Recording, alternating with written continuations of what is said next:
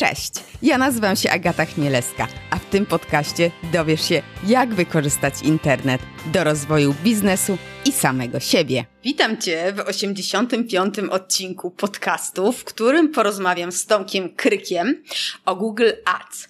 Tomka mogłeś poznać, mogłaś poznać już w dziewiątym odcinku.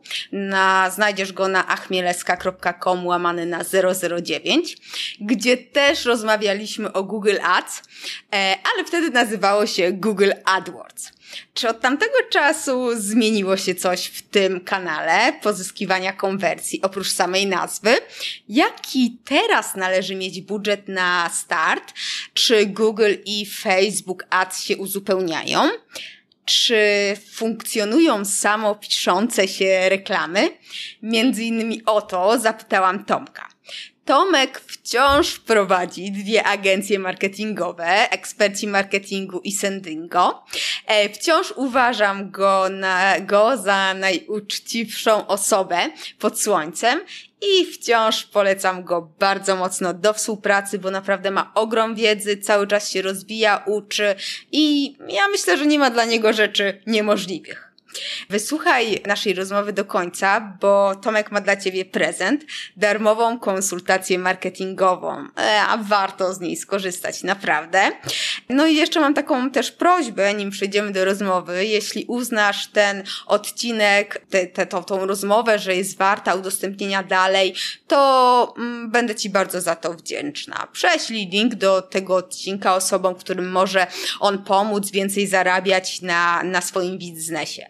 Pomożesz mi i tej osobie. A teraz zapraszam do słuchania. Cześć Tomku. Cześć Agato. Co dobrego u Ciebie słychać? A wszystko w porządku. E, ostatni okres jest e, dosyć e, przyjemny, chyba dla wszystkich agencji marketingowych.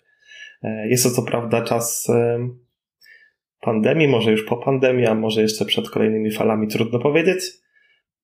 Więc w internecie można bardzo dużo ciekawych rzeczy zrobić.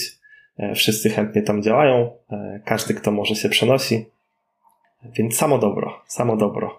Tak, tak, to prawda. Dla, dla e-commerce, dla marketingu internetowego e, ten czas jest fajny i myślę, że jeszcze długo tak będzie, no bo jednak e, nie cofniemy się do, do offline'u, a bardziej będziemy szli e, dwoma kanałami albo skupiali się na online, więc, więc tak.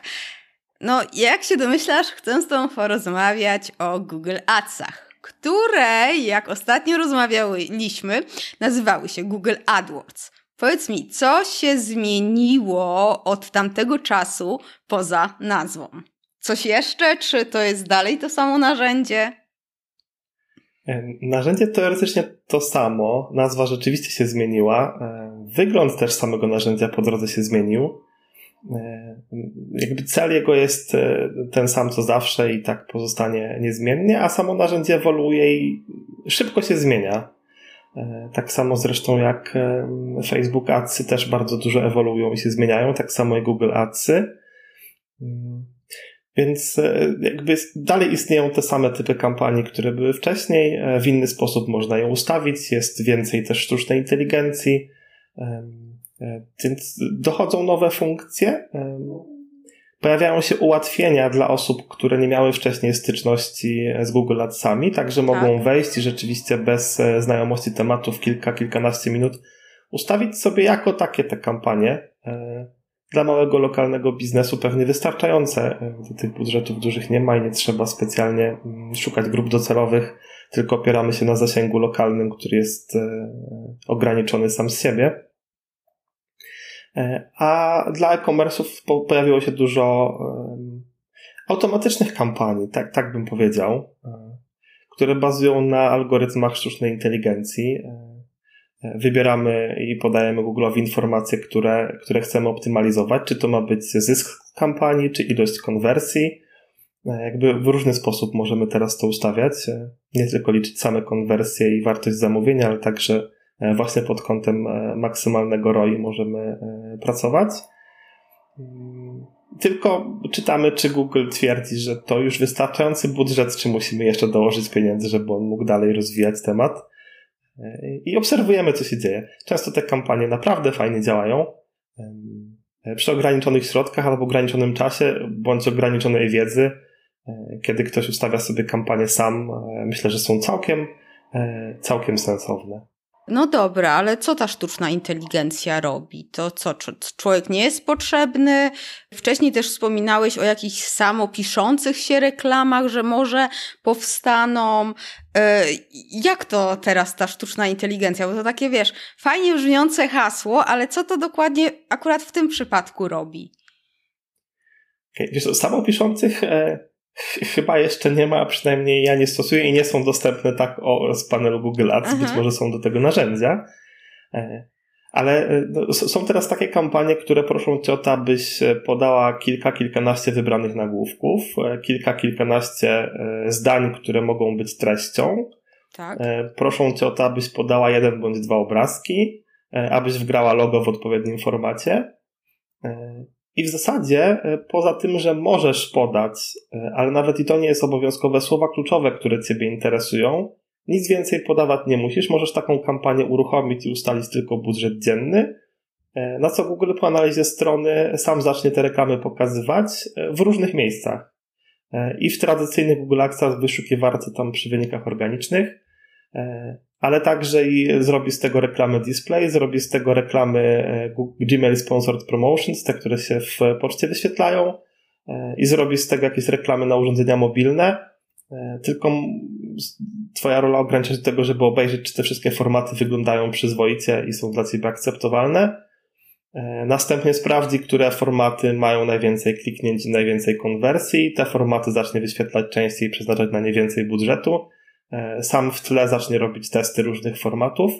Jakby całą tą pracę, którą kiedyś trzeba było wykonać całkowicie ręcznie, bo była tylko analityka e, i te testy musieliśmy robić, to, to teraz Google potrafi zrobić sam.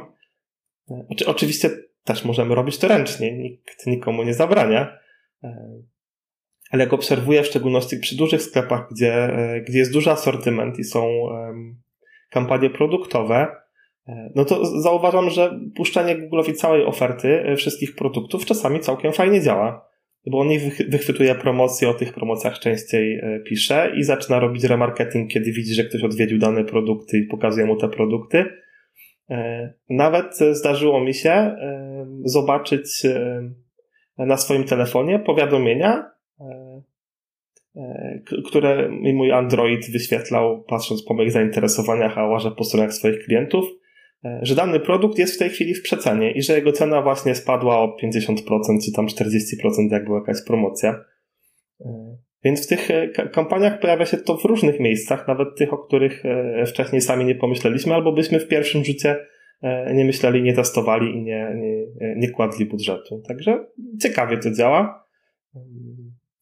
I myślę, że dużo zmian poszło w tym kierunku, żeby jak najłatwiej było ustawić reklamy, jak najmniej kosztowało to wysiłku, E, a żeby przynosiły jak najlepsze rezultaty, bo to jest e, gwarancja dla Google'a, że te budżety będą po prostu coraz wyższe. Jak budżety będą wyższe, to pojawi się większa konkurencja za kliknięcie, więc automatycznie e, Google zarobi więcej. Także to jest chyba trend, który będzie się utrzymywał. Mam nadzieję, że zawsze będzie potrzebna moja pomoc w temacie. Jeszcze jest. Najwyżej będę musiał troszkę się przebranżować i w tych Google Adsach robić mniej ewentualnie tylko informować, że są i że można włączyć, a potem klikać OK, Google, to tu masz stronę, zrób reklamy sam. No właśnie, to co, do czego teraz tak naprawdę człowiek jest potrzebny, jeżeli nawet nie trzeba słów kluczowych podawać? Co tam człowiek teraz robi? Oprócz tego, co tam podałeś, że te, te, te nagłówki załóżmy, e, ale no daje całą witrynę, wszystkie produkty, rób reklamy, nie chcesz słów kluczowych, no to super. I, i i coś, jaka wiedza jest potrzebna, żeby te, te reklamy w sumie robić teraz? No, w przypadku tych reklam, o których teraz rozmawialiśmy, praktycznie żadna, e, bo ich nie da się źle ustawić. W sensie one będą ustawione bardzo przyzwoicie. Nawet jest tam taki wskaźnik e, jakości reklamy, który tak. pojawia się na bieżąco, jak uzupełniasz nagłówki, jak e, Google widzi, że brakuje w nim jakichś słów albo zachęt do działania, to ci wyrzuca komunikator i tutaj brakuje zachęty, a tutaj popraw to, a dodaj jeszcze trzy wow. nagłówki, bo nie wyczerpujesz słów kluczowych. Więc dużo podpowiada, E, te reklamy po prostu nie zawsze działają, bo nie każdy biznes jest prosty. Jeśli on opiera się na produktach i na cenie tych produktów, no to to zadziała bardzo fajnie. Ale jeśli wchodzimy e, na przykład w tematykę szkoleń, to już jest trochę trudniej, bo z opisu szkolenia e, Google wyłapuje czasami słowa kluczowe, które są zupełnie nieadekwatne, typu kursy online, a jak szkolenie ma jakąś daną tematykę, no to to hasło nie przyniesie nam prawdopodobnie żadnych zapisów. Więc nie zawsze to tak różowo wygląda, e, ale w przypadku e-commerce'ów bardzo często te kampanie, może nie, że bardzo często, wydaje mi się, że należy te kampanie ustawić i przetestować i zobaczyć, jaki będą przynosiły rezultat, e, bo być może w godzinę zrobimy coś, co będzie bardzo dobre e, i będzie działało potem przez lata, a potem będziemy mogli rozwijać sobie własne testy, które wchodzą już w konkretne produkty i w konkretne nisze, E, a nie tylko pokazują całą ofertę i robią e, jakiś branding sklepu czy remarketing w tle. Okej, okay, ale jak e, my ustawialiśmy te reklamy, znaczy może nie ja, ale człowiek, no to wybierał sobie słowa kluczowe. A teraz bo i tak były te, te reklamy wyświetlane. Teraz wciąż są na, na podstawie słów kluczowych wyświetlane w wyszukiwarce na przykład, czy, czy teraz już to się zmieniło? Nie, da, dalej, oczywiście dalej można na podstawie słów kluczowych. To cały czas to jest opcja i, jest to ważna opcja. E, to jakby zahaczyłaś co fajnego się pojawiło, to jakby pojawiła się ta opcja, że można ich nie wpisać. Okej, okej, okej. Okej, okay, no dobra, ale to. Mm, bo, bo ja mam teraz taki, wiesz, poczucie, że daję Google'owi, no nie wiem, całą moją ofertę, tak, wszystkie produkty, jakiś budżet i skąd ja mam mieć pewność, że Google będzie faktycznie te najbardziej atrakcyjne z mojego punktu widzenia produkty promował. Czy jeżeli faktycznie ja mam takie jakieś produkty, na których promocji mi zależy na ściąganiu ruchu, e, to, to po prostu no, muszę sam to sobie ustawić. Czy też mogę jakoś Google'owi coś powiedzieć? Nie, możesz mu coś podpowiedzieć, ale w przypadku tych kampanii e, w miarę automatycznych, e, on nie będzie pokazywał produktów, na których tobie zależy. On będzie pokazywał produkty, na których zależy użytkownikom i które użytkownicy kupują. On w ogóle jakby pominie okay. w dużej mierze to, co ty chcesz. E, czasami to jest zbieżne, a czasami okazuje się, że masz ofercie produktu, o których ty nie pomyślałaś, że są atrakcyjne, tak. a okazuje się, że są bardzo atrakcyjne i ludzie właśnie je kupują, a to, co ty uważałaś za atrakcyjne, pojawia się jako produkt komplementarny do zamówienia, a nie jako ten produkt główny, który był poszukiwany. E, więc jeśli masz rzeczywiście stricte konkretny produkt, który chciałabyś promować, e, no to te automaty być może tego nie zrobią. E, one sobie pracują wedle swoich reguł i tego finalnego celu, czyli na przykład ilości zamówień bądź wartości zamówień. Więc niekoniecznie będą promować te produkty, które, które ty byś chciała, a często chcemy te droższe, które są wysokomarżowe.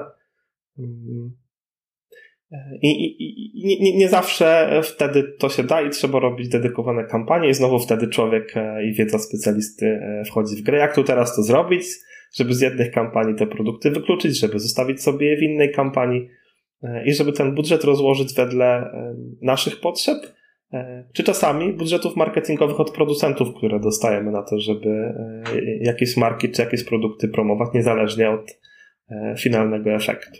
Ale czy te reklamy, już te, którymi Google zarządza, te takie automatyczne, czy my potrzebujemy na nie tak de facto większy budżet, czy dalej możemy, nie wiem, czy to się w ogóle zmieniło, no bo inflacja, ale e, mhm. jak rozmawialiśmy poprzednio, no to tak wiadomo, to jest szacunkowo, wszystko zależy od branży, ale tak no, określiliśmy, że tam 1500 zł na start to jest takie minimum, minimum. Teraz jak to wygląda? Też tak? Czy może w jakichś typach kampanii to już jest za mało, albo, ale wciąż, albo wciąż tyle wystarczy? Wiesz to wciąż tyle wystarczy. Koszty kliknięć nie zmieniły się znacząco. W mojej branży zauważyłem, że wzrosły do góry e, w mocny sposób, ale patrząc po swoich klientach, e, jakby nie widzę tego, że ceny za kliknięcia wzrosły. E, a jeśli wzrosły, to pewnie nie jakoś e, bardzo znacząco. w tych samych budżetach niektórych klientów mam, mam utrzymywanych przez kilka lat i widzę, że w tych samych budżetach dzieją się te same rezultaty. No, czasami lepsze rezultaty, to jakby zależy od, od ilości kliknięć i przestrzeni, jaka jest na te kliknięcia na dane frazy. E, I, I, koszty nie rosną znacząco, więc dalej to jest te 1500 do 2000 zł. Wiadomo oczywiście, że jak ktoś ma bardzo bogatą ofertę i włączy się automatyczną kampanię, to Google nie ma jak zrobić testów na tych wszystkich produktach, no więc zacznie wyświetlać je um, jak bądź i, i zacznie uczyć się dopiero po pół roku na przykład, a nie, nie szybciej. E, więc przy dużej ofercie produktowej warto spojrzeć, jakie są częste wyszukiwania, które produkty są klikane, no to wszystko w raportach e, jest pokazane i na przykład wykluczyć wybrane kategorie, mm, żeby Google miał mniej, a dodawać je po prostu e, z czasem. Niemniej jednak w pierwszym dniu, jak ustawiam kampanię, to zawsze ustawiam tą automatyczną, czekam tydzień czasu, żeby zobaczyć, co się zadzieje. Przy budżetach właśnie rzędu 1000, 1500 zł na miesiąc żeby odkryć, czy są jakieś rzeczy, o których nie pomyśleliśmy razem z klientem w trakcie rozmów po drodze, to one z reguły wychodzą w ciągu tego tygodnia, że jakieś produkty są częściej wyszukiwane bądź bardziej chodliwe niż nam się zdawało, albo których nawet nie, nie sprawdzaliśmy. No i dopiero potem wchodzimy w szczegóły, czyli które produkty chcemy promować bardziej, które mniej. Można wpływać na to stawką za kliknięcie. Możemy Google'owi obniżyć stawkę za kliknięcie na produktach mało atrakcyjnych dla nas, E, wtedy on będzie rzadziej je wyświetlał, bądź ostatecznie w ogóle. E, a możemy zwiększyć stawkę przy produktach, na których nam zależy i, i wtedy zwiększyć ilość wyświetleń. E, mamy tam też informacje o tym, jak wypadamy na tle konkurencji, czy na przykład na wszystkie razy, kiedy dany produkt się pojawił, to ile razy pojawiliśmy się my to jest tam w procentach podane. Jak to jest 90 do 100%, no to mamy pewność, że na każde zapytanie ten produkt się pojawia. E, dostajemy wtedy drugą informację, jak często jest klikany w porównaniu z e, produktami konkurencji. E, no i stawką możemy mm, balansować pomiędzy tym, jak często się pojawiamy i na której pozycji, bo znowu tych produktów zawsze pojawia się kilkanaście. Część jest zwinięta w ogóle pod guziczkiem, a te pierwsze kilka, które się pojawia, to zależy od tego, kto da więcej potencjalnie za kliknięcie, plus jakiego oferta jest adekwatna do zapytania, to już Google sobie względem siebie e, sam liczy. Więc tymi stawkami możemy decydować e, w mniejszym czy większym stopniu, gdzie ten produkt będzie i, i który będzie.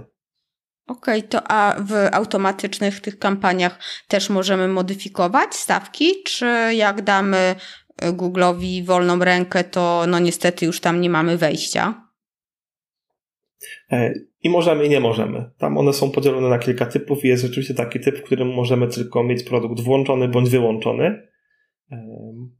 Ale wtedy ta kampania też sama automatycznie ustawia te stawki za kliknięcia, czyli jakby nie, nie pozwala nam przez to ingerować ręcznie, ale jest też typ kampanii, w którym ona robi wszystko sama, a my decydujemy tylko o stawce za kliknięcie. Aha, okej, okay, okej. Okay. No dobra. Mm, no, brzmi to tak fajnie w sumie. E, ciekawie, no bo praktycznie no, można samemu wszystko zrobić, ale jednak ludzie wciąż zlecają te rzeczy, nie? E, czy to dlatego, że, że to jest wciąż jakieś takie mało intuicyjne, no bo dla ciebie, tak, osoby, która siedzi w tym, no to wszystko wydaje, może wydawać się proste, tak, a z twojego doświadczenia może masz właśnie jakieś takie obserwacje, że e, no bo w mojej głowie wciąż siedzi, że ja się nie zajmuję adsami, ja w ogóle nie chcę tam nic dotykać. I w tym momencie, wiesz, nawet jeżeli słyszę, że automatyczne, no to wciąż mam takie obawy, że no, a skąd ja mam wiedzieć, jakie mają być nagłówki? I, yy, bo jednak no, tą pracę, jak coś trzeba wiedzieć, no nie? No tak, rzeczywiście trzeba coś wiedzieć. To, e, e, to są dwa aspekty. Jeden to jest aspekt techniczny, związany z tym, żeby przygotować to wszystko do działania, no bo te konwersje jednak muszą się liczyć. One muszą być po stronie Google Analytics i po stronie e, Google Ads. Mm, jeśli chodzi o produkty, no to trzeba założyć Merchant Center, trzeba tam uwierzytelnić własną domenę, trzeba znaleźć, gdzie nasz sklep udostępnia fit produktowy i upewnić się, że ten fit przyjmie Google. I dla przykładu ostatnio e, poszukiwałem takiego feedu w Shopperze i znalazłem go bez problemu. A z kolei w, e, w Idoselu, też bardzo fajnej platformie, potrzebowałem szukać już w dokumentacji. Gdybym nie wiedział, jak się to nazywa, to pewnie trudno byłoby mi to znaleźć, ale może jak się nazywa, no to wpisałem w szukajkę, od razu dostałem w punktach, gdzie to jest i co mam kliknąć. Więc dalej zakładam, że dla klientów, którzy nie, nie wiedzą, czego szukają, albo jak te rzeczy ze sobą się łączą, czyli nie, nie mają wiedzy z samych tych narzędzi, to dalej po prostu jest trudne. To finalnie są proste rzeczy, ale no, na starcie, jak e, się tej wiedzy nie ma, no to jest to rzeczywiście kłopotliwe. Mm. A co do nagłówków, e, to tutaj potrzebna jest na szczęście ogólna wiedza marketingowa, czyli nie, nie, nie potrzeba dużych technikaliów. E, należałoby wiedzieć, że nagłówek musi odzwierciedlać treść, która potem będzie, no bo inaczej ktoś kliknie, ale niekoniecznie kupi, że warto zrobić tam jakąś zachętę, e, zachęcić do akcji działania typu e, sprawdź, zobacz albo e, kup, to już nawet w tych nagłówkach można w Google Adsach użyć tych sformułowań. Jeśli mamy produkt premium i nie chcemy, żeby klikały osoby, które chcą kupować tanio, to można już w tych nagłówkach podać cenę, Wtedy odsiewamy na starcie wszystkich, których na dany produkt nie stać, albo którzy tej ceny nie chcą i nie płacimy niepotrzebnie za kliknięcia. A to, to są rzeczy, które i tak czy siak uważam, że każdy właściciel e-commerce e, powinien prędzej czy później wiedzieć i sobie poczytać. Więc wychodzę z tyłu z założenia, że to jest wiedza, którą e, każdy posiada, a jak nie, to powinien mieć w planach ją zdobyć. E, więc w szczególności to wsparcie w Google Adsach potrzebne jest przy najpierw startujących e-commerce'ach u osób i właścicieli, którzy dopiero wchodzą do internetu, bo potrzebują poznać te wszystkie narzędzia. E, a potem potrzebni jesteśmy w drugim punkcie, kiedy ta skala robi się na tyle duża e, samego zadania, e, że lepiej to zlecić agencji, która się tym będzie zajmować i tylko monitorować wyniki bądź weryfikować działania, aniżeli samemu siedzieć i klikać, no bo jednak trzeba zająć się też paczkami, obsługą klienta, E, opisami produktów, e, zamawianiem tych produktów, dopasowaniem oferty. No i w pewnym momencie każde z tych zadań jest e, oddzielnym etat, etatem. Tak sobie przynajmniej wyobrażam, gdybym miał u siebie sklep internetowy. A do, pewnego pułapu jakby każdy próbuje to, łączyć jak może tak. w swoich zasobach. Więc to, to, to, to, to jest ciężkie, więc rozumiem, że nie wszystkiego można się nauczyć ale podstawę marketingu tego, jak powinna wyglądać strona, podstawę UX-u też każdy właściciel e-commerce e, no, no, powinien znać. E, że jak jest landing page, no to musi być przycisk, chociażby takie podstawy, prawda? Tak, tak, tak. No tak, no takie podstawy tak, ale połączenie Google Analyticsa poprawne z Google AdWords, jakieś tam centery i inne rzeczy, no tak jak ciebie na początku słuchałam, to jak tak sobie pomyślałam o osobie, która no siedzi w tym, ale jest od biznesu, a nie od nie wiadomo czego, e, jakichś dziwnych nazw i, e, i opisów e, nagłówków, no to faktycznie, e, to faktycznie, no tutaj ja jako potencjalny kli, e, klient na Google Adsy, chyba bym wolała to zlecić mimo wszystko, że to wciąż tak brzmi. Mm, więc chyba jeszcze, jeszcze to tak za bardzo automatyczne nie będzie. No chyba, że są faktycznie tacy ambitni właściciele, którzy wszystko sami, więc na pewno to jest też no, szybsze do nauczenia się niż wcześniej, prawda? Więc tak, można. Zgadza się, zgadza się. E, ja też staram się w swojej współpracy z klientami, bo, bo Facebook ma podobnie, tylko ma jeszcze więcej tych różnych nazw. Więc staram się zawsze na starcie, e, a to ma związek z dostępami, potem jak ta agencja coś prowadzi i się współpraca kończy, to kto będzie właścicielem konta, kto ma uprawnienia. E, no i tutaj Google Ads to jest jedno konto, Merchant Center to jest osobne konto, a Google Analytics to jest osobne konto. E, więc ja uczyłam swoich klientów, że powinni mieć te dostępy i wiedzieć, co jest dla nich zakładane, żeby potem w razie rozstania mogli to przejąć, albo chociaż wiedzieć, że coś będzie wyłączone, a nie nagle tak. się zorientować, o kurczę, E, całkowicie zniknął mi przychód. Dlaczego? I, i być przygotowany na to, że przez 3 miesiące Google znowu będzie się uczył, e, a on wtedy ma gorsze wyniki niż e, gdy kampania jest rozwinięta. Więc warto mieć tego świadomość i tych narzędzi. Ja poświęcam czas na to, żeby z każdym klientem umówić się na wideokonferencję i pokazuję mu, co ma założone, żeby wiedział, co to jest, żeby chociaż te nazwy nie brzmiały dla niego zupełnie abstrakcyjnie, tylko chociaż trochę abstrakcyjnie no, jakby korzystają z tego klienci różnie, tak jak potrzebują albo tak jak mogą w danym momencie. E, ale zachęcam do tego, żeby to rzeczywiście poznawać, bo jest tych narzędzi multum. Ale to, e, to chyba najlepiej w ogóle na własny adres mailowy, prawda? Zakładać e, właściciela, żeby, że nie na adres agencji, tylko żeby to należało do y, klienta, czy, czy w przypadku Google Adsów to, to nie ma znaczenia. Wiesz co, i w przypadku Google Adsów i Facebook Adsów to można przekazać.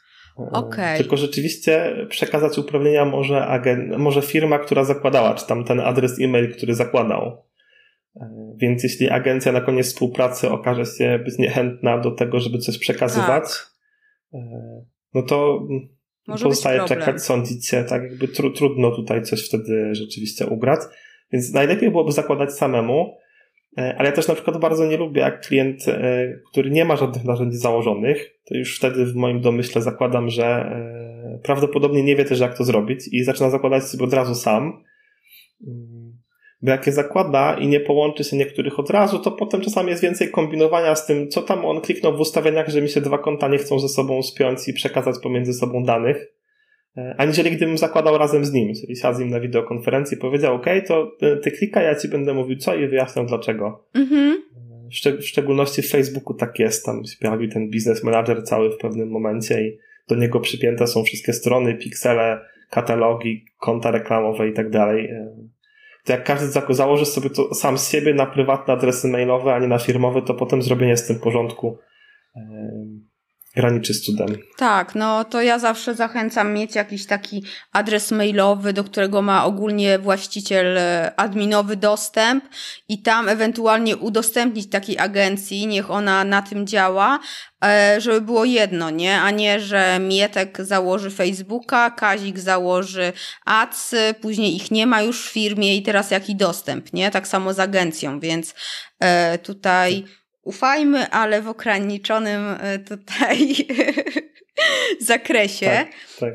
A czy w takim razie, e, bo e, mówiłeś, że remarketing też jest automatyczny, czy listy remarketingowe, bo też o tym rozmawialiśmy, są dalej tworzone, się tworzy, czy to też już poszło, znaczy też, czy to poszło o taką odstawkę? Nie, cały czas są listy odbiorców jakby akurat do tej automatycznej kampanii ona jakoś sama sobie, gdy konta są połączone ze sobą, e, ten, ten remarketing robi. Nawet kiedyś sam zastanawiałem się, w jaki sposób ona te, e, te kontakty zbiera, kiedy nie ma e, dedykowanej, utworzonej listy remarketingowej. Mm. Ale nie wnikałem w to szczegółowo, ja zawsze i tak te listy robię. I po stronie Google Analytics mamy opcję tworzenia tych list i segmentowania i grupowania i po stronie Google Adsów zresztą też. I no, jest tam bardzo dużo i jakby te listy, listy podobnych odbiorców, to i na Facebooku, i na Google Adsach są zwykle bardzo dobre listy. E, coś, z czego korzystam ostatnio częściej niż kiedyś, ale nie bardzo potrafię przypomnieć sobie, czemu kiedyś byłem e, jakby niechętny do tego, e, a teraz używam bardzo często, to są listy robione na podstawie ostatnich zapytań użytkowników Czyli już nie tylko po wieku czy po zainteresowaniach, ale też mogę wpisać sobie, że chciałbym, żeby zrobiła mi się niestandardowa lista odbiorców, osób, które w ostatnim miesiącu szukały, nie wiem, odkurzaczy na przykład. Aha. I wpisuję konkretne słowa kluczowe, na przykład odkurzacze albo odkurzacze przemysłowe.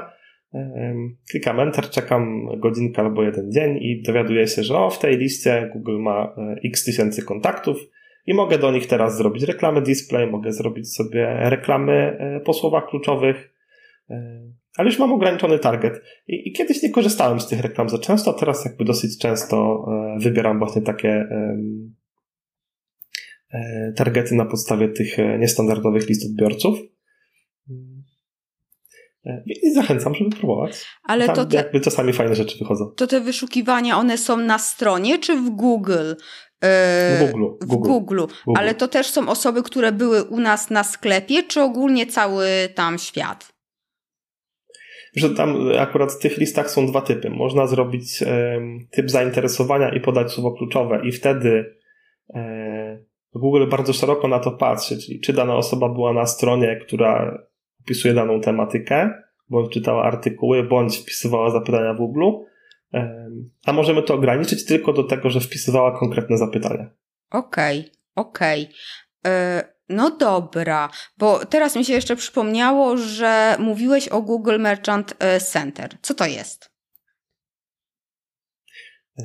Google Merchant Center to jest miejsce do zarządzania swoją ofertą produktową i udostępniania ich Google'owi do wyników organicznych, e, ale także do wyników e, kampanii płatnych. A, to te kafelki, co są u góry. Tak, to te kafelki. Aha, okej. Okay. I to trzeba mieć On osobne dostaje konto? Tak. On wtedy dostaje informacje o produktach, dostaje ich zdjęcia, dostaje ceny, stany magazynowe e, i, i, z, grubsza to jest jego główne zadanie, żeby móc tam też obejrzeć sobie statystyki, bądź wykluczyć jakieś produkty, bądź podzielić sobie grupy produktów na jakieś mniejsze, to tam możemy to robić i, i, i powiedzieć Google'owi, co chcemy pokazywać, a czego nie. Okay. I on na podstawie tego się, się, się uczy też, jakie są produkty dostępne, jakie są ich nazwy, jakie są ich ceny. Okej, okay. a jeżeli często aktualizujemy ceny, to on też tak często to aktualizuje? To jest na podstawie feedu, czy, czy jak? Może być na podstawie feedu, ale nie musi, bo można i ręcznie to wpisać, y, albo można przygotować feed, który jest automatycznie importowany i możemy ustawić, żeby aktualizował się co godzinę albo co, co jeden dzień. Przy czym e, wydaje mi się, że on i tak stara się robić to na bieżąco. Czyli jak ma kliknięcia na dany produkt, to on sobie w locie sprawdza przy okazji jego ceny, czy coś się nie zmieniło, e, żeby zaktualizować. E, Facebook też tak robi, że aktualizuje w locie. Czyli jak ma kliknięcia, to sprawdza ceny i aktualizuje, jak nie ma kliknięć, to robi to wtedy tak, jak ustaliliśmy, czyli raz na dzień albo raz na godzinę. Aha, okej, okay, okej, okay, okej. Okay. No dobra, ale mm, kurczę, a to w tym momencie, mm, no bo te automatyczne reklamy takie fajne są, e, czy jeszcze są jakieś takie nowe E, funkcje, bo tak jak powiedziałeś, domyślam się, że ten panel się zmienił e, mocno. E, przynajmniej tak kiedyś było i, i Facebook też często tam zmienia, że można się szybko pogubić. Ale czy jeszcze są jakieś z Twojego doświadczenia, czy no z tego, co, co widzisz, jakieś ciekawe funkcje, których wcześniej nie było, albo może miejsca do, do reklamowania się lub, no nie wiem, jakieś możliwości? Już te dwie to są te, z których najczęściej korzystam e, i, i, i zauważyłem, że rzeczywiście e, po zmianie interfejsu one się wyróżniły, czyli rzeczywiście łatwiej do nich dotrzeć, kliknąć i gdzieś po drodze są. Mm. E, zniknęła mi opcja i dużo rzadziej z niej korzystam, chociaż na pewno dalej jest. Tych reklam Google, Google Sponsored Promotions, czyli w poczcie, kiedyś wstawiałem je jako dedykowane i samodzielne, teraz zawsze robię to w ramach tych reklam elastycznych, które e, same sobie robią różne formaty. Mm. Jeszcze pojawiła się opcja, e, to już jakiś czas temu, z której e, osobiście nie korzystam, bo przygotowanie materiałów pod tę kampanię wymaga bardzo dużo czasu albo specjalistycznej wiedzy osoby, której ja akurat w zespole nie mam. Mm. Są kampanie, które można robić w HTML5. I one tam się ruszają i mogą jakby więcej interakcji z użytkownikiem e, podjąć, aniżeli tylko mu się wyświetlić. I nie wiem, w którym momencie ta kampania weszła, ale na pewno w tym e, jakby obecnym e, kształcie Google Ads widać je i rzeczywiście można stosunkowo łatwo przesuwać te formaty. Nawet jest od Google wypuszczony specjalny edytor do robienia takich reklam i w ogóle w tym, w tym formacie. Przy czym ja mam jakieś wrażenie, że te ruszające się animowane reklamy e, wcale nie mają dużo wyższej skuteczności. One rzeczywiście bardziej przyciągają uwagę i może więcej kliknięć, e, ale niekoniecznie wcale mają lepszą konwersję. Więc do celów, z których ja zwykle korzystam, czyli tego, żeby przynieść klientów i zamówienia, e, one mi się nie sprawdzały za specjalnie, więc nie, nie są przeze mnie bardzo lubiane i eksploatowane. Okej, okay, ale animowane i bardziej angażujące to co tam? Jakiś kotek biega, czy i miał, czy, jak one są animowane?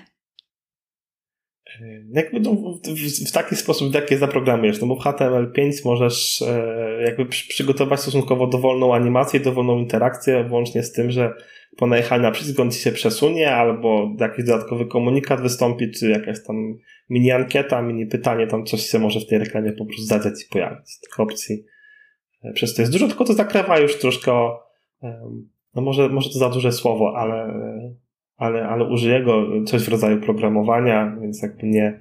Okay. Taki przeciętny specjalista do spraw marketingu i tak nie zrobi takiej reklamy, i tak to już potrzeba kogoś, kto, kto ma jakieś zacięcie IT, zna HTML-a troszkę lepiej i jeszcze marketing, tak jakby więcej, więcej rzeczy na raz. Aha, okej, okay, okej, okay. ale one są popularne tak jak widzisz na rynku, czy, czy raczej cały czas te tradycyjne?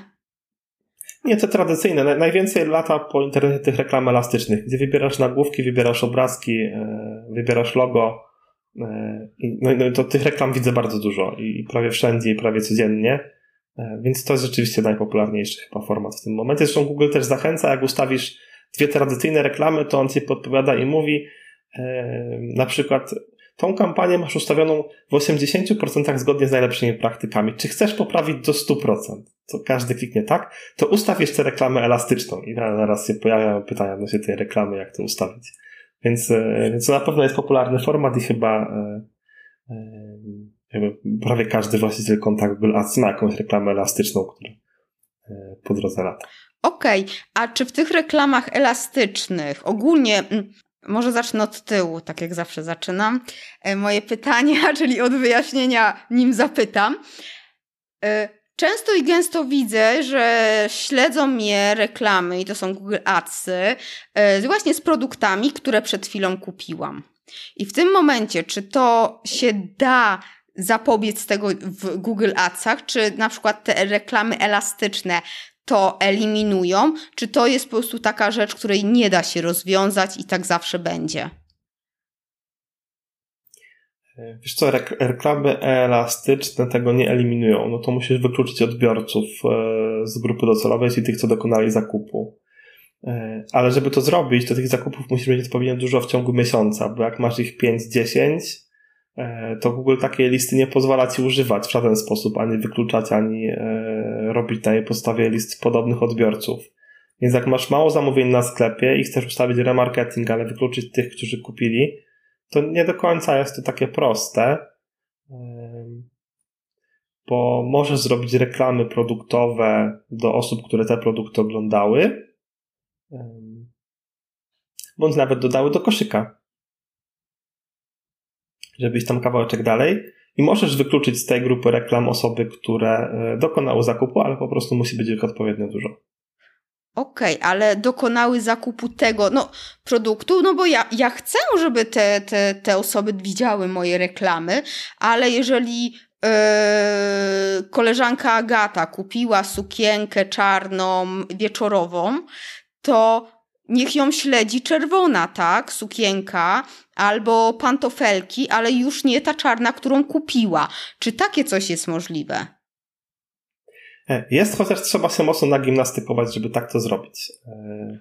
E, w Google nawet bym się tego nie podejmował, po prostu zrobiłbym tak, że wykluczam ją z remarketingu produktowego, a robię remarketing po prostu inny, e, który podzieliłem sobie względem kategorii, typu jak kupiła sukienkę, to może teraz potrzebuje torebki. E, raczej ciężko byłoby wykluczyć e, po produktach, e, tak żeby nie pokazywać jej czarnych sukienek, a teraz czerwone. Za co na Facebooku teraz robi się takie coś dużo łatwiej. Tam rzeczywiście są te listy z automatu. Wystarczy kliknąć, że dla osób, które dokonały zakupu, pokazuj teraz produkty komplementarne i można zrobić osobny fit produktowy z produktami komplementarnymi. To się robi tam jednym kliknięciem. W Google Adsach trzeba troszkę więcej poklikać, żeby podobny efekt osiągnąć ale mo można. E, można. Czyli, że co, Facebook teraz e, jest lepszy? Bo pamiętam, że jak rozmawialiśmy te dwa lata temu, to e, mniej działałeś w Facebook Adsach. na szczęście już teraz działasz, co mnie bardzo cieszy. I tak jak słyszę z, z, różnych ta, z różnych miejsc, od różnych osób, że faktycznie, że ten, te możliwości reklam na Facebooku są ogromne. E, trochę zejdziemy z Google'a e, w kierunku adsów, ale e, jakbyś tak porównał te narzędzia, czy one się jakoś upodobniły do siebie, czy może właśnie tak jak teraz słyszę, czy Facebook poszedł bardziej do przodu? Wiesz co, wydaje mi się, że Facebook, tak z mojej perspektywy, Facebook e, dogonił, a może nawet przegonił Google Ads pod kątem analityki tego, w jaki sposób e, gromadzi dane o użytkownikach i pozwala wykorzystać je nam jako e, reklamodawcom. Bo możemy zrobić dokładnie samo co w Google Adsach, plus po prostu mamy kilka ułatwień dodatkowych. Tak jak na przykład te reklamy remarketingowe z produktami. Jakby tam łatwiej się po prostu ustawia i wyklucza te grupy. To, to, to nie znaczy, że każdy to zrobi, ale łatwiej to się tam robi. Więc ja teraz doceniam Facebooka. Dwa lata temu bardzo go nie lubiłem, ale w ogóle dalej nie przypadam za social mediami za Facebookiem. E, jakby cały czas jest to w mojej głowie jako kategoria zjadaczy czasu.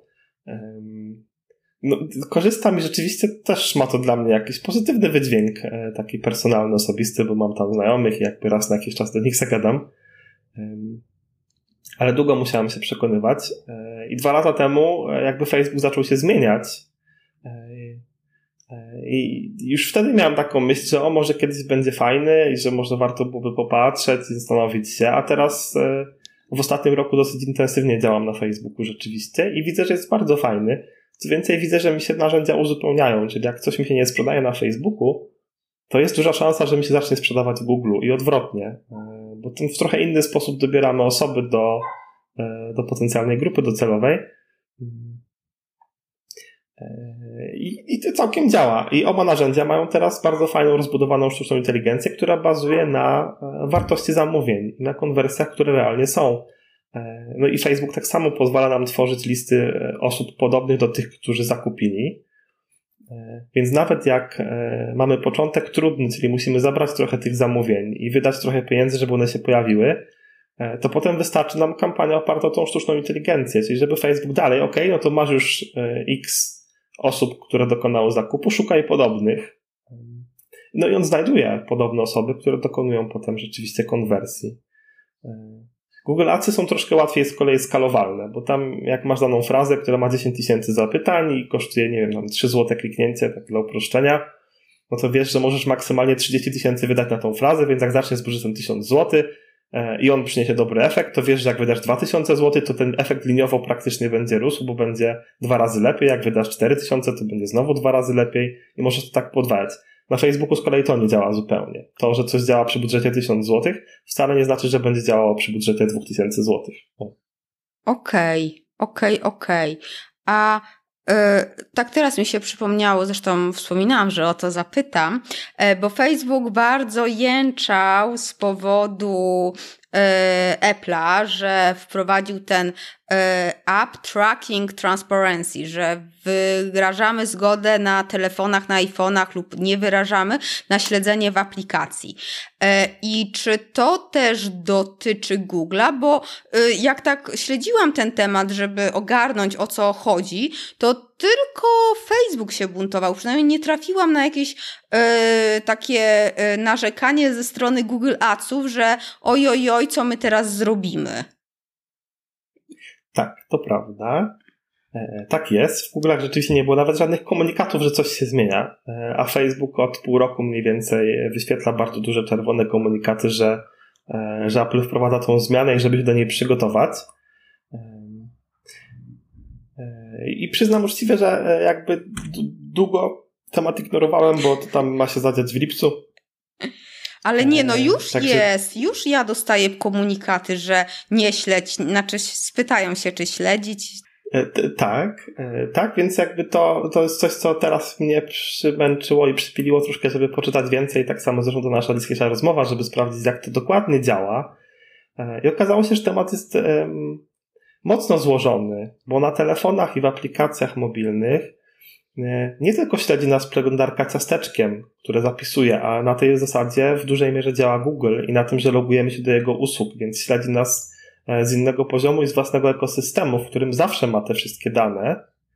E, a ta opcja, o której mówisz, jeśli dobrze doczytałem i być może słuchacze stwierdzą, że źle doczytałem, to poproszę wtedy o sprostowanie tak. nas w komentarzach ale jeśli dobrze doczytałem, to chodzi o wymianę danych również pomiędzy aplikacjami i tym, że e, ten sposób, w jaki Apple udostępniał e, reklamodawcom dane, czy na przykład Facebookowi czy Google'owi, opierał się na identyfikacji telefonu na przestrzeni całych aplikacji, które ten telefon sobie ma. I tych danych po prostu szło bardzo dużo.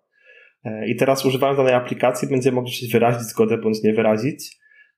A Facebook, w przeciwieństwie do Google'a, ma dedykowaną aplikację na komórki do przeglądania siebie, więc jak tam zablokujemy, to on tych danych po prostu nie dostanie w ogóle.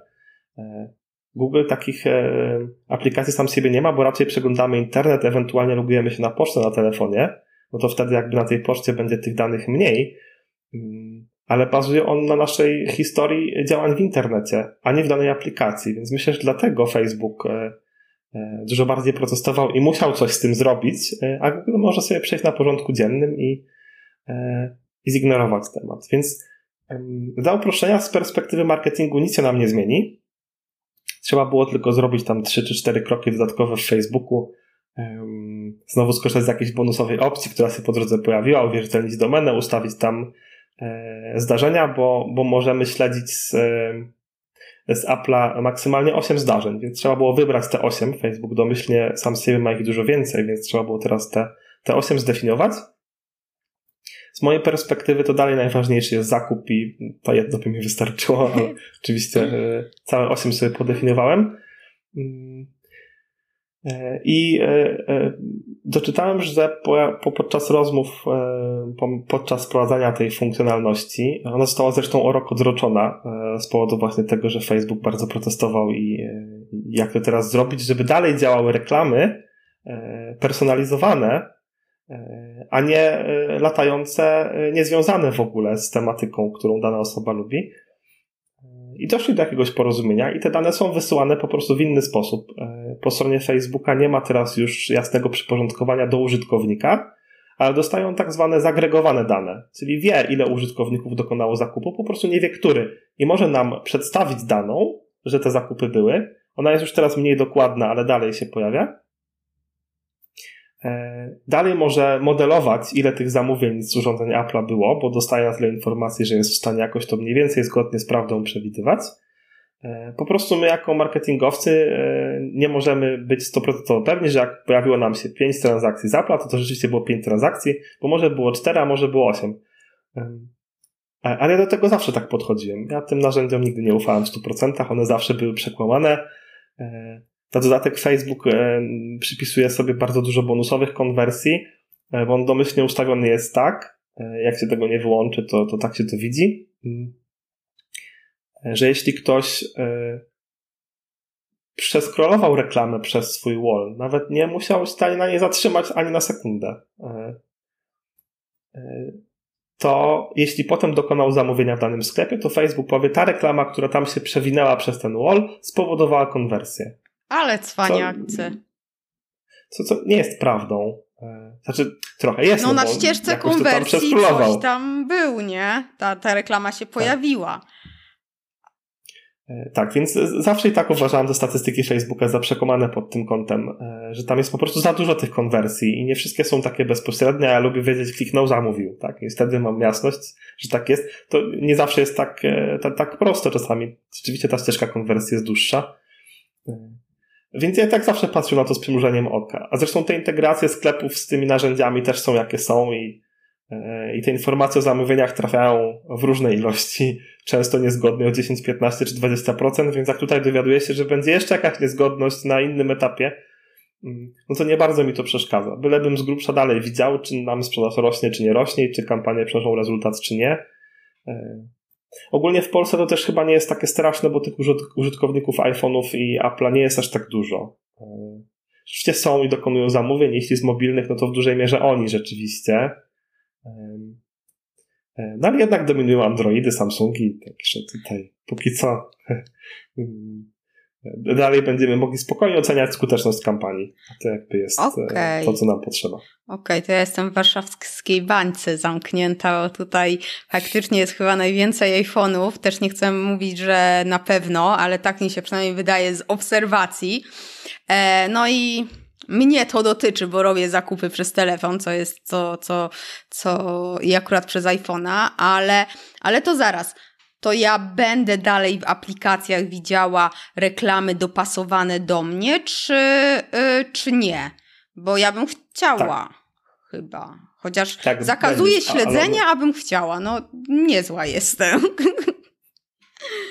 Tak, jak zakazujesz śledzenia, to dalej będziesz dostawała reklamy spersonalizowane, Uf. ale nie będziesz dostawała je ty jako Agata Chmielewska, ale będziesz na przykład w targecie typu, nie wiem, osoby z Warszawy, kobiety w wieku x lat, które są zainteresowane tym, tym, tym i tym. I taki target jakby będzie szedł do Facebooka, czyli będziesz zagregowana z innymi osobami. Nie będziesz jednostką, ale będzie szła informacja, że tu jest taka grupa osób, która może być zainteresowana tym produktem i okay. tak to będzie działało. Okej, okay. a z Google Adsów też? W aplikacjach? E, w aplikacjach tak, bo to się w aplikacjach, w ogóle to się w aplikacjach zmienia rzeczywiście i tam też tak to będzie działało. Też są te modele zagregowane i już na przykład w to e, nie wchodziłem bardzo głęboko, nie czytałem jak oni te modele budują, więc tutaj e, no, mam nadzieję, że nie masz przygotowanego takiego pytania, nie, nie, nie odpowiem. E, próbowałem chwilkę poczytać, ale to okazuje się być na pewno dłuższa wypowiedź i więcej czytania, w to, w to, w to nie. Nie, nie, nie, to myślę, że to już jest za, za skomplikowane dla mnie, e, żeby w, w modele tego wchodzić, ale pamiętam też, pamiętam, przesłuchałam sobie tą naszą rozmowę. E, tutaj to dziewiąty odcinek podcastu, jakby ktoś chciał sobie też przesłuchać na achmieleska.com łamane na 009. Tam wspominałeś, że nie korzystasz z, le- z reklam na aplikacjach mobilnych. Czy, czy dalej jakoś je pomijasz, czy może coś się zmieniło, no bo faktycznie ten e-commerce wchodzi na, na mobile mocno. Czy, czy może tutaj już zauważyłeś, że warto też reklamować się w aplikacjach? Wiesz, no, na telefon, bo to muszę rozdzielić. Reklamować na telefonach e, zacząłem dużo bardziej niż kiedyś, e, ale nie w aplikacjach. E, aplikacje kojarzą mi się głównie z grami na telefonie, chociaż to, to nie jest idealne skojarzenie, ale tak mi się kojarzy i z reklamami, które e, tam się wyświetlają i są ciężkie do pominięcia. Tak jak patrzę, jak tam e, moja chrześnica, która teraz miała 10 lat, gra w sobie jakieś gry i tam pojawiają te reklamy i w jaki sposób ona je omija, a czasami musi kliknąć, czeka, że się przyładuje, od razu zamyka, wraca do tej gry i gra sobie dalej. Jakby cały czas mam wrażenie, że to jest e, jakby marnowanie budżetu takiego tradycyjnego e-commerce'u, bo jednak te gry tam dominują. Można rzeczywiście wybierać aplikacje, w których by się te reklamy chciało mieć, E, tak jak można wybierać sobie strony internetowe, na których e, poprzez platformę AdSense można było się, byłoby się e, wyświetlać. Ale ja tego rzeczywiście nie robię. Jakby nie, nie, nie, nie, nie, nie wchodzę w ten temat. Wydaje mi się, że w przypadku promocji e-commerce'ów tam jeszcze nie ma na to, na to miejsca, bo te osoby, które nas interesują, to albo mają płatne aplikacje bez reklam, tak to jest w mojej wyobraźni. Znowu być może ja żyję w jakiejś bańce teraz, która jest nieprawdziwa, wypadałoby to zweryfikować i przetestować. E, e, a że jak puścimy te reklamy e, do aplikacji tych bezpłatnych, no to większość z nich to jednak będą dzieci bądź młodzież. Gdyby to był mój target, to pewnie bym tak robił, ale zwykle to nie jest target. Okej, okay, okej. Okay. No faktycznie coś w tym jest, bo yy też reklamy najbardziej mi się kojarzą z grami i robię tak jak twoja e, bratanica, to samo, e, wyłączam apkę i wchodzę jeszcze raz.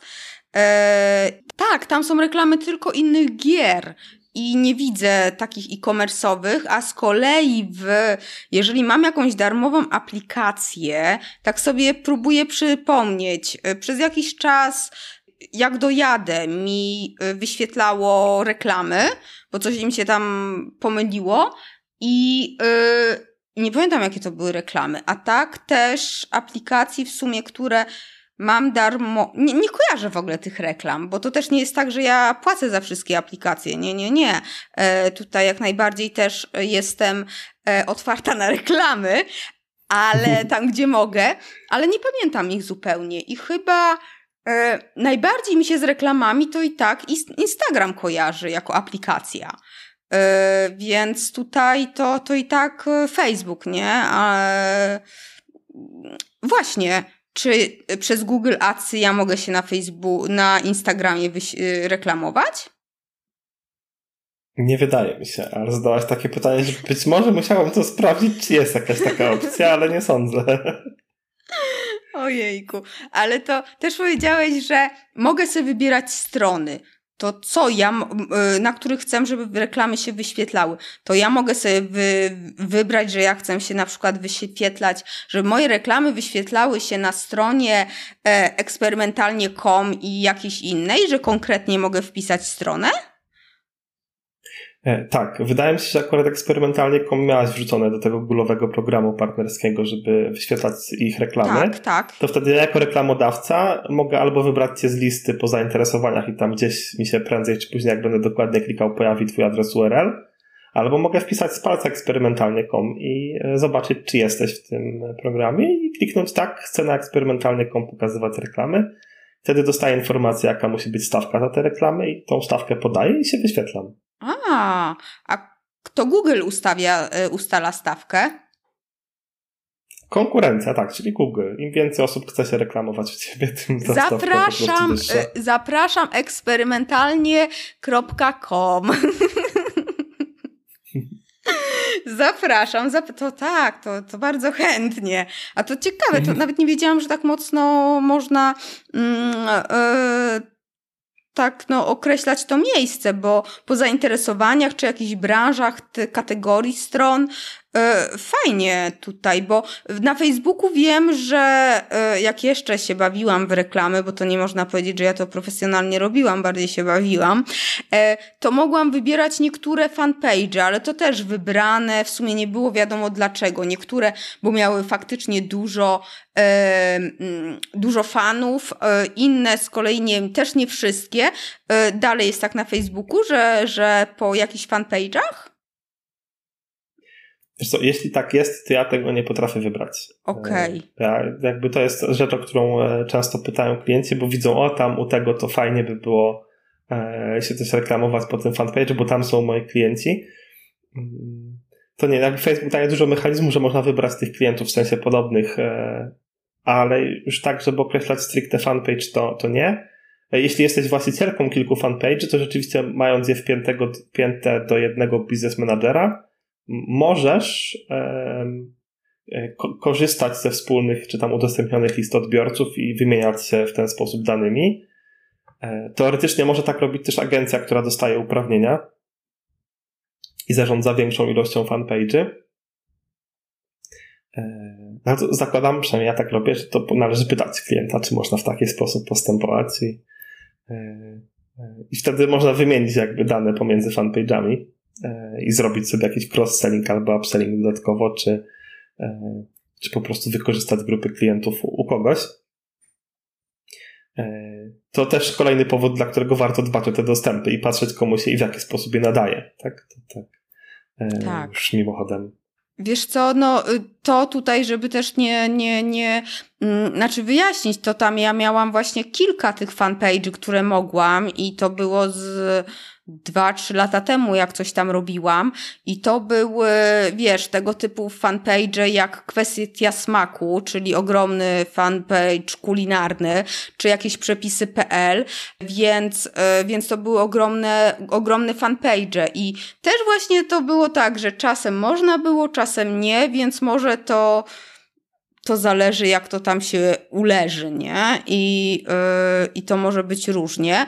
Mm, a Dzisiaj wyszukiwałam, chciałam coś kupić i y, wpisałam nazwę marki i oczywiście pierwsza reklama to reklama konkurencji. Eee, jak to jest? To tak można? Przecież to jest działanie, no, nieuczci, tutaj nieuczciwa konkurencja, bo to, to Google na to pozwala? Tego nie, nie wiem. Jak to się dzieje? E, Ogólnie rzecz biorąc, nie ma zakazu tego, żebym ja w słowach kluczowych podał sobie nazwy innych marek. Okay. Ale ja mogę tego używać tylko w słowach kluczowych. Nie mogę tych nazw użyć w reklamie jako takiej.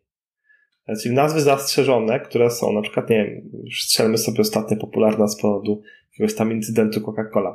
To ja mogę sobie użyć słowo kluczowe Coca-Cola e, i wyświetlać się na wszystkie zapytania ludzi, którzy wpiszą Coca-Cola w Google, bo to jest ok, E, no bo oni szukają jakiegoś konkretnego słowa kluczowego, ja chcę na to słowo kluczowe pokazać im reklamę. Tutaj jakby nie ma nic innego w całym mechanizmie niż inne słowa kluczowe, ale nie mogę w reklamie e, użyć Coca-Coli albo podszywać się pod Coca-Colę, e, bo to jest nazwa zastrzeżona i należy do Coca-Coli, taka reklama jest zakazana.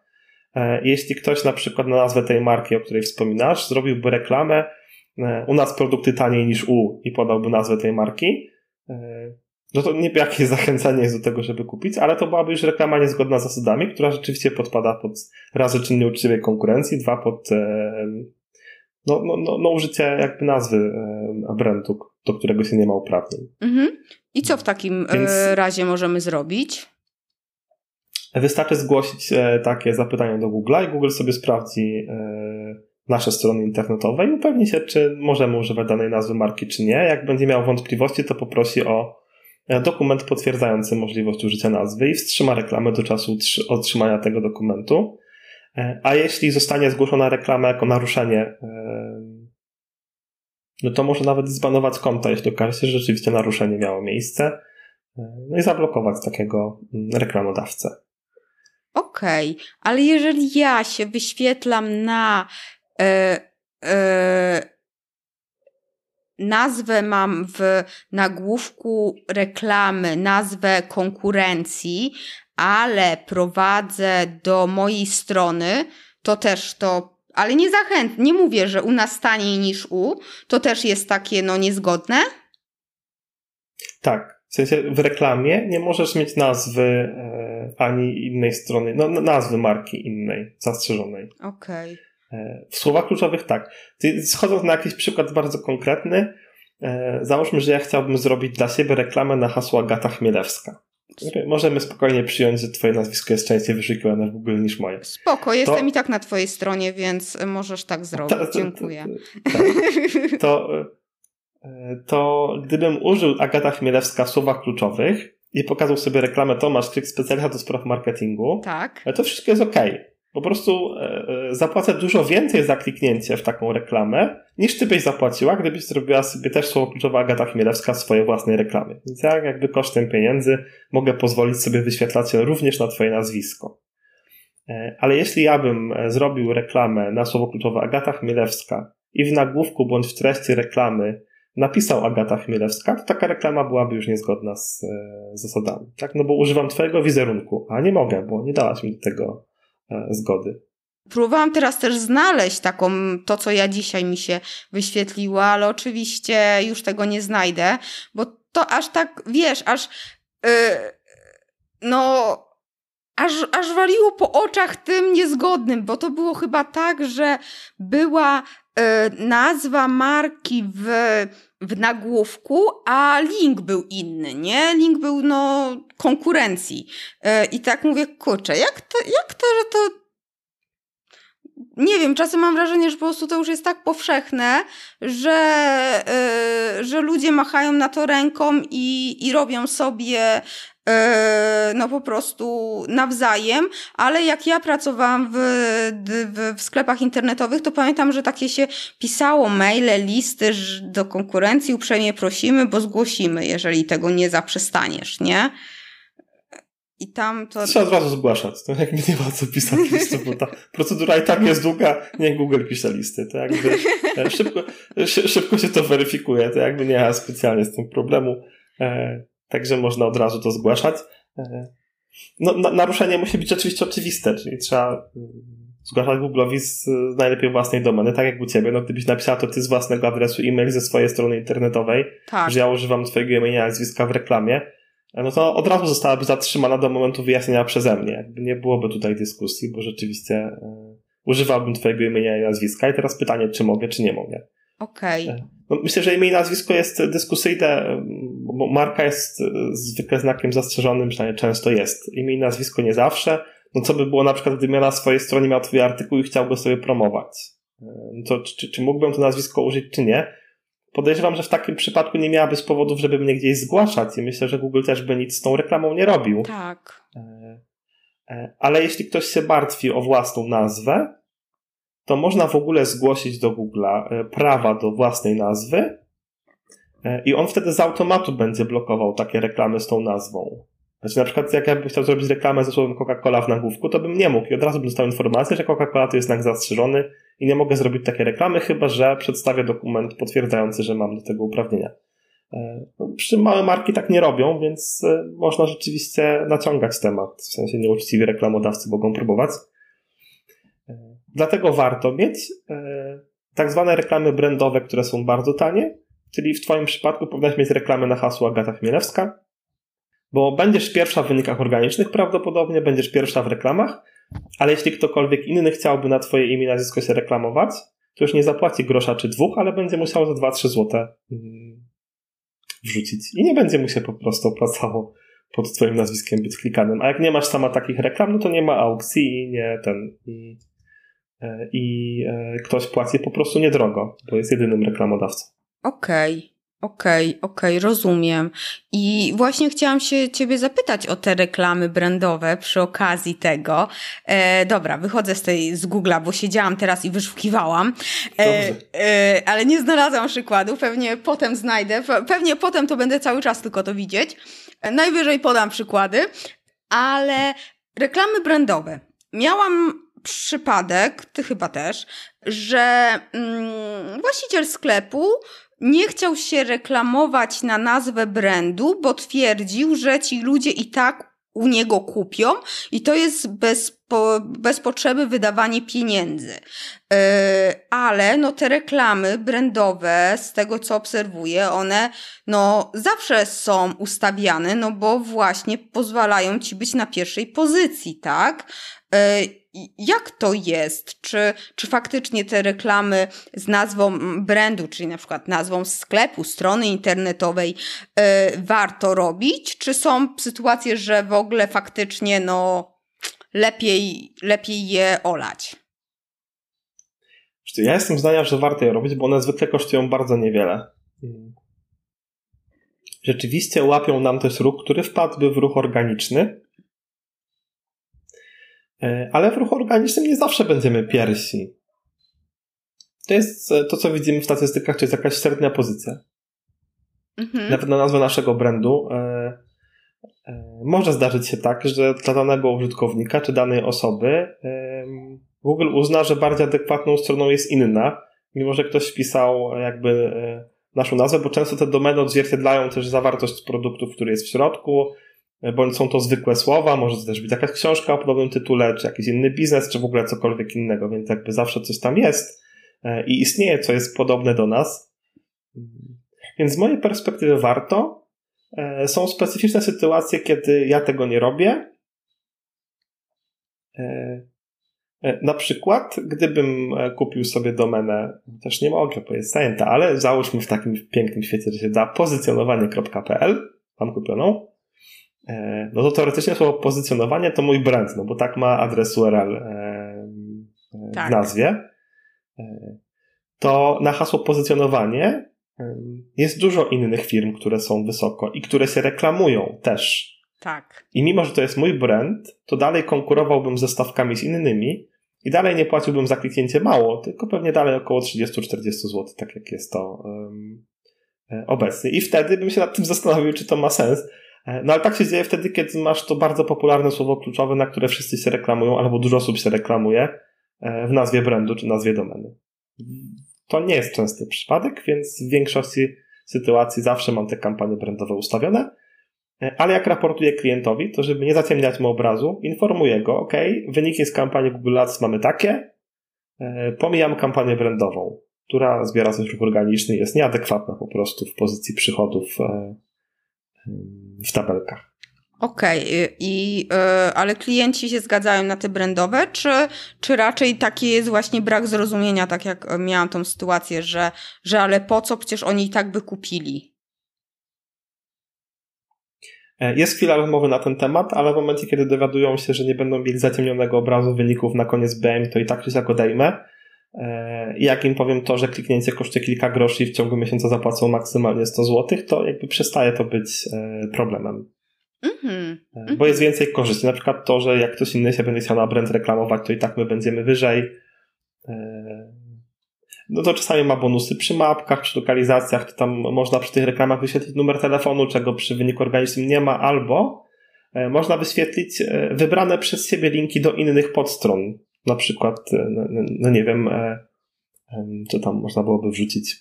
No, no, no załóżmy, że to będzie jakiś sklep ze zdrową żywnością, dla przykładu, e, i że ten brand to jest zdrowa żywność, żeby nie podawać żadnej innej nazwy, no to jak ktoś wpisze takie hasło w Google, to pierwszy wynik organiczny będzie z dodatkowymi linkami, dwoma, trzema czy czterema, ale linkami, które wybiera Google, które on uważa, że są najfajniejsze na danej stronie internetowej pod danego użytkownika. A w reklamie to my wybieramy te cztery dodatkowe linki i możemy ustawić sobie te miejsca, które nas interesują, czyli na przykład darmową dostawę z informacją, tak. że tam jest od odpowiedniej kwoty, albo informację o bezpłatnych zwrotach. E, I wykorzystujemy po prostu bonusową przestrzeń. E, za to, że jesteśmy pierwsi, to możemy e, ten wynik po prostu mieć z tymi linkami bonusowymi. Okay. Więc to ma dużo zalet, takich mm, miękkich bardzo i mało może mierzalnych, ale mm, biorąc pod uwagę, że to jest kwestia kilkunastu, kilkudziesięciu czy tam stu złotych miesięcznie, to można pozwolić sobie na to, żeby te zalety e, były tak niedookreślone w sposób zmierzony, tylko tak po prostu opowiedziane i, i żeby to miało sens. Okej, okay, okej. Okay. To, to, to fakt, to, to przekonuje bardzo.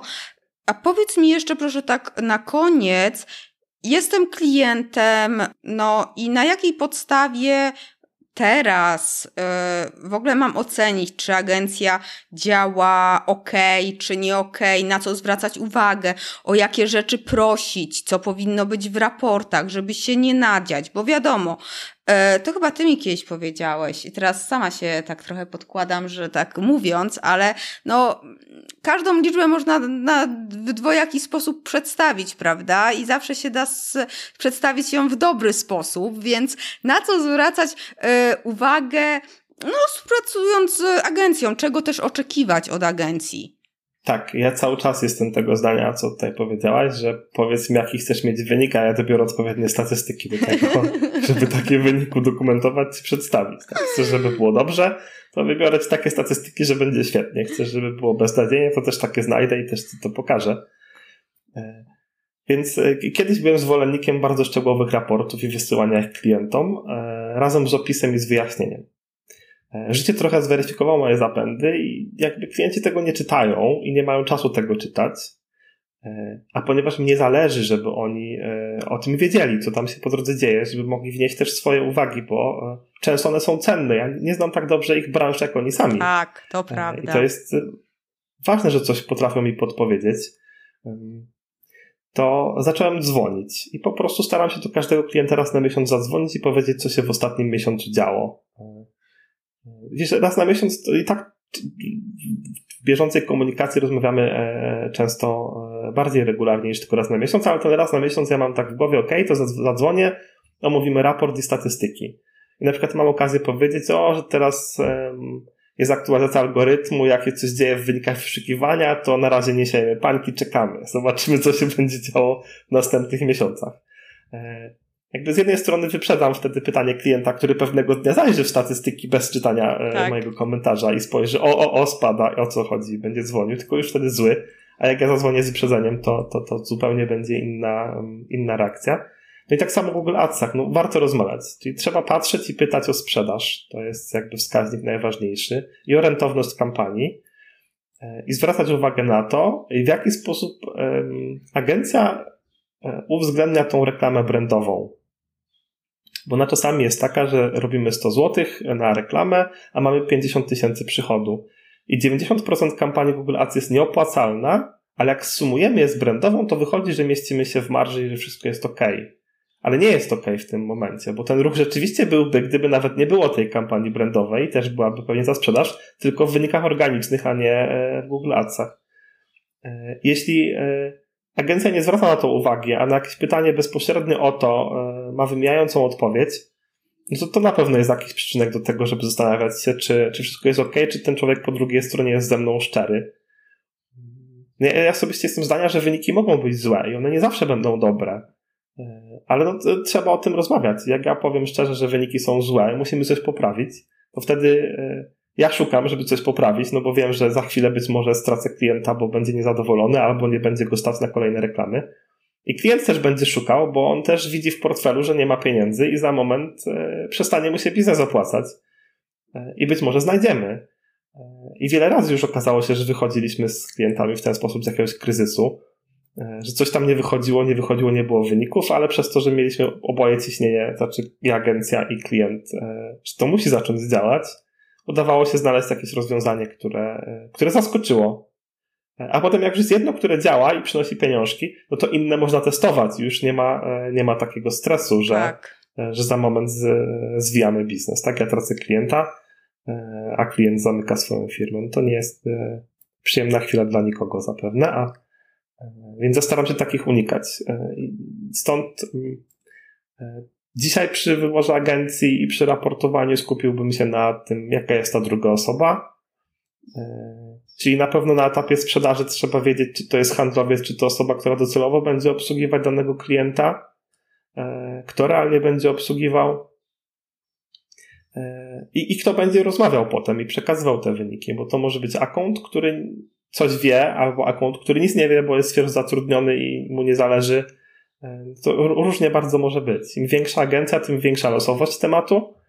E, no a im mniejsza, tym większe zagrożenie, że freelancer dzisiaj jest dobry i fajny, a za rok przestanie się odzywać i komunikować, bo mu się dziecko urodzi na przykład. Tak? tak. To, jakby, e, to jest jeden z tych lepszych przypadków. Jak się dziecko urodzi, to każdy da radę to przeboleć, ale są, są inne sytuacje, w których freelancerzy się przestają odzywać i to też nie, nie działa. Więc jakby ten, ten człowiek, relacja. Hmm Okej, okay, a. Ostatnio gdzieś tak no. powiedziałem, to jeszcze przynajmniej to zdanie dokończę, że wybór agencji to jest tak jak rekrutacja. Czyli gdybym chciał do własnej firmy zatrudnić sobie marketingowca, to tak samo należy podejść do wyboru agencji, po prostu zrobić zwykłą rekrutację. No tak, faktycznie, to jest dobre porównanie, bo jednak tutaj mocno współpracujemy i mm, de facto oboje mieliśmy też e, wspólnych klientów, gdzie nawet zapraszali no, na integrację, tutaj myślę o, o, o e-stylu, tak? Jak z nimi współpracowałam, no to na integrację byłam zapraszana i to było mega fajne i, i też takie no, wiązało, nie? Jakaś ta relacja była zbudowana i tutaj jednak wszyscy, no, i agencji i klientowi powinno zależeć na tym, żeby grać do jednej bramki, bo y, lepsze wyniki, no to jest większe możliwości y, rozszerzenia działań. Y, a powiedz mi proszę, bo mm, też mi się tak przypomniało, co co w sytuacji, czy to jest w ogóle dobra praktyka, czy nie, jeżeli agencja oprócz tych raportów, załóżmy, rap przedstawia raporty, wyniki z Google Analytics, z tego tam e, modułu e, Google Ads, ale dodaje do tego konwersję wspomaganą, wyfiltrowane jest tam właśnie Google Ads, że on był tam na trzecim etapie, czy tam na jakiś tam, w, nie wiem, był drugim krokiem na ścieżce, tam trzecim e, elementem na ścieżce do konwersji e, i oni to dodają i pokazują, że takie są wyniki, że to nie był last click albo coś takiego. Czy, czy to, te, to dodaje się jakoś te, bierze się pod uwagę e, w wynikach, w raportach konwersje wspomagane, czy to już nawet Google Analytics dodaje tam w tym raporcie Google Ads? Nie, to trzeba rzeczywiście sobie zerknąć na ten specjalny raport z tą konwer konwersją wspomaganą. No, jest to jakaś dana informacja dla klienta, którą można pokazać. Ponieważ to jest konwersja wspomagana, to ona nie mówi nam o tym, jaka była zyskowność kampanii realna. Bo tam też weszły inne koszty, na przykład kampanii Facebooka czy pozycjonowania. E, więc myślę, że jeśli uwzględniać konwersję wspomaganą, to też w całościowym ujęciu marketingowym. Jeśli na przykład robi całość jedna agencja, i Facebooka, i Google Ads, i pozycjonowanie, e, co, co nie jest jakimś rzadkim przypadkiem, e, i raportuje konwersję wspomaganą, to powinna też raportować wtedy całościowy wydatek marketingowy, jaki był i całościową konwersję, przychód, jaki był, no bo te wszystkie źródła uzupełniają się wzajemnie.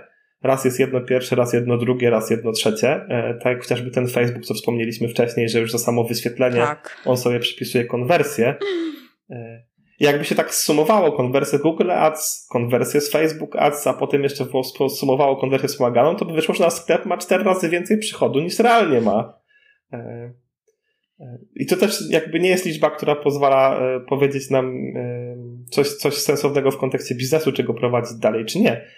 No ale jest wartościowa, bo mówi, jak te źródła się nakładają, czy przynoszą tych samych klientów, czyli ten klient, który jest w każdym miejscu i musimy mu pokazać reklamę 15 razy, czyli koszt pozyskania klienta nie kosztuje nas złotówkę, tylko na przykład 15 czy 20. No to, to, są, to są rzeczy, które też są ważne i jako, jako drugie czy tam trzecie po drodze w raportach. No ale bez omówienia, jak się tylko sumuje konwersję tą wspomaganą pokaże, to klient może mieć mylne wrażenie, jeśli nie rozumie, co to jest i skąd to się bierze. prostu ma, ma, ma większą cyferkę, bo ona zwykle jest większa i, i pytanie, czy on rozumie, czemu jest większa, czy, czy, czy nie rozumie. Okay. Jak nie rozumie, to, to źle. Jak rozumie, no to wszystko ok. Należy pokazywać, niech korzysta z danych, które ma. Super, super, dziękuję Ci. Yy, ogrom informacji, jak zawsze, i, i fajnie, yy, że, że to tak wszystko jasno i prosto wyjaśniłeś, nawet z tymi e, Apple'owymi e, iPhone'ami, bo, bo tutaj chociaż iPhone nie mogą być inne, ale okej. Okay. E, chciałam powiedzieć urządzeniami. Dzisiaj, kto wie, co będzie za jakiś czas. Tak, no w sumie e, iPady to też to też chyba na iPadach będzie działało, bo to też mobilne. Chociaż mm, whatever. Powiedz mi jeszcze jedną rzecz, bo tam pisaliśmy, że może masz jakiś tam prezent dla słuchaczy i yy, czy on jest dalej aktualny? E, tak, tak, jest aktualny jak najbardziej. E, jakby z mojej strony ja jestem otwarty na, na, na, na rozmowy i każdemu klientowi, który do mnie przyjdzie, już na pewno tym, którzy przychodzą do mnie i, i podają twoje nazwisko na ten podcast, E, zawsze poświęcam na starcie dużo uwagi, e, robię konsultacje marketingowe, sprawdzamy statystyki, omawiamy sobie, co jest możliwe, co nie jest możliwe, co jest dobrze, co jest złe. E, I niezależnie od tego, czy jakakolwiek współpraca dalej będzie, czy nie będzie, bo, bo być może klient będzie niezdecydowany, albo ja nie będę miał w danym momencie czasu i przestrzeni, żeby, żeby przyjąć kolejnego, no to ta konsultacja jest bezpłatna. Mam też taką bo powiedzmy, że normalnie w jak ktoś zapyta e, i, i poprosi, to ona gdzieś tam się pojawia i, i jest wyceniana. E, ale zachęcam każdego, kto ma ochotę poznać lepiej swój biznes od strony marketingowej, zobaczyć, czy ma wszystkie narzędzia, czy są pokładane tak, jak trzeba, czy nie. E, no taką rozmowę, która oczywiście musi być poprzedzona moim przygotowaniem, czyli wcześniej muszę dostać dostępy, żebym mógł sprawdzić, co się da sprawdzić, a potem ewentualnie wnieść ten swój komentarz. Wydaje mi się, że on w dobrych rękach u dobrego właściciela biznesu będzie mega wartość. Super, super. E, I dla ilu osób, bo jak rozumiem, wiesz, jak 100 osób ci przyjdzie, to możesz się nie wyrobić, e, z, z fajnie by było, ale to ile osób e, mogłoby skorzystać? Wiesz co, no, mam przestrzeń na jedną, dwie takie konsultacje miesięcznie. Okej. Okay. Więc taką liczbę podam. E, e, e, I, zapraszam. Jak się okaże, że podcast jest jeszcze bardziej popularny z czasem, bo to tak może być, że będzie tych zapytań albo chętnych bardzo dużo, to wtedy ewentualnie poproszę Cię o sprostowanie. Ale mam nadzieję, że te dwie konsultacje na miesiąc będą wystarczające, które, które mogę zrobić tyle czasu, chętnie dam od siebie. Super. No, podcast jest, wiesz, wiecznie tak. żywy, więc zawsze można poczekać chwilę, tak? I, e, i, i może się znajdzie miejsce na, na konsultacje, a, a myślę, że jak, e, jak poznają Ciebie ludzie, to też będą chcieli współpracować, bo, bo zawsze polecam i, i, i, i, i mało kto się zawodzi. Z wzajemnością. Z wzajemnością. Ja też polecam. E, jakby moja strategia obecna biznesowa jest taka, żeby nie mieć dużej firmy, więc ten kontakt będzie cały czas ze mną, ale przez to no nigdy nieskończonej liczby osób nie mam jak e, obsłużyć ani pomóc, tak. więc tak, e, tak, to tak. też trzeba mieć na uwadze, że być może zdarzy się tak, że trzeba będzie poczekać. Może nawet jest to bardziej prawdopodobne niż, niż mniej prawdopodobne. Fajnie, fajnie, fajnie, dziękuję i, i zachęcam do takiej konsultacji, bo to zawsze jest wartość, żeby popatrzeć i, i, i co można właśnie usprawnić, bo zawsze coś się znajduje do usprawnienia i podziałać, a Tomek też w, wieloma w, tutaj zagadnieniami się zajmuje, więc, e, więc e, e, można podziałać na, na różnych frontach. I jeszcze raz, Tomek, Ci dziękuję. Oczywiście odeślę do, y, do Twoich stron na, na stronie achmieleska.com łamane na 85. E, na, do stron na stronie, tak. Tam będą notatki, więc jak będziecie się sko chcieli skontaktować z Tomkiem e, i, i zgłosić, czy też poczytać jego artykuły na, na, na stronie, którą prowadzi mm, marketingowej, to też będziecie mogli trafić, czy też LinkedIn, wszędzie odeślę. I, i jeszcze raz Tomek Ci bardzo dziękuję i życzę dalszych sukcesów. Dobrze, dziękuję bardzo. Bardzo dziękuję za zaproszenie. Miło mi się z Tobą rozmawiało jak zawsze. Mam nadzieję, że słuchaczom też będzie miło posłuchać naszej rozmowy. Super, super. Ślicznie Ci dziękuję. Trzymaj się. Pa. Dzięki. Pa. Uwielbiam rozmawiać z Tomkiem. Zawsze potrafi wytłumaczyć skomplikowane kwestie. Mam nadzieję, że Tobie też ta rozmowa wiele rozjaśniła, wiele pokazała, e, a może i przekonała do Google Adsów. Pamiętaj, aby skorzystać e, z prezentu Tomka, czyli konsultacji marketingowej bezpłatnej. Namiary na niego znajdziesz na achmieleska.com łamane na 85. Tam są linki gdzie, do miejsc, gdzie Tomka można znaleźć, także do jego strony Przedsiębiorca w sieci, gdzie dzieli się wiedzą. E, no i będzie mi miło, jeżeli podzielisz się linkiem do tego podcastu z innymi. Niech dobra wiedza niesie się dalej. Dziękuję jeszcze raz trzymaj się radośnie i niech konwersja i moc będą z Tobą.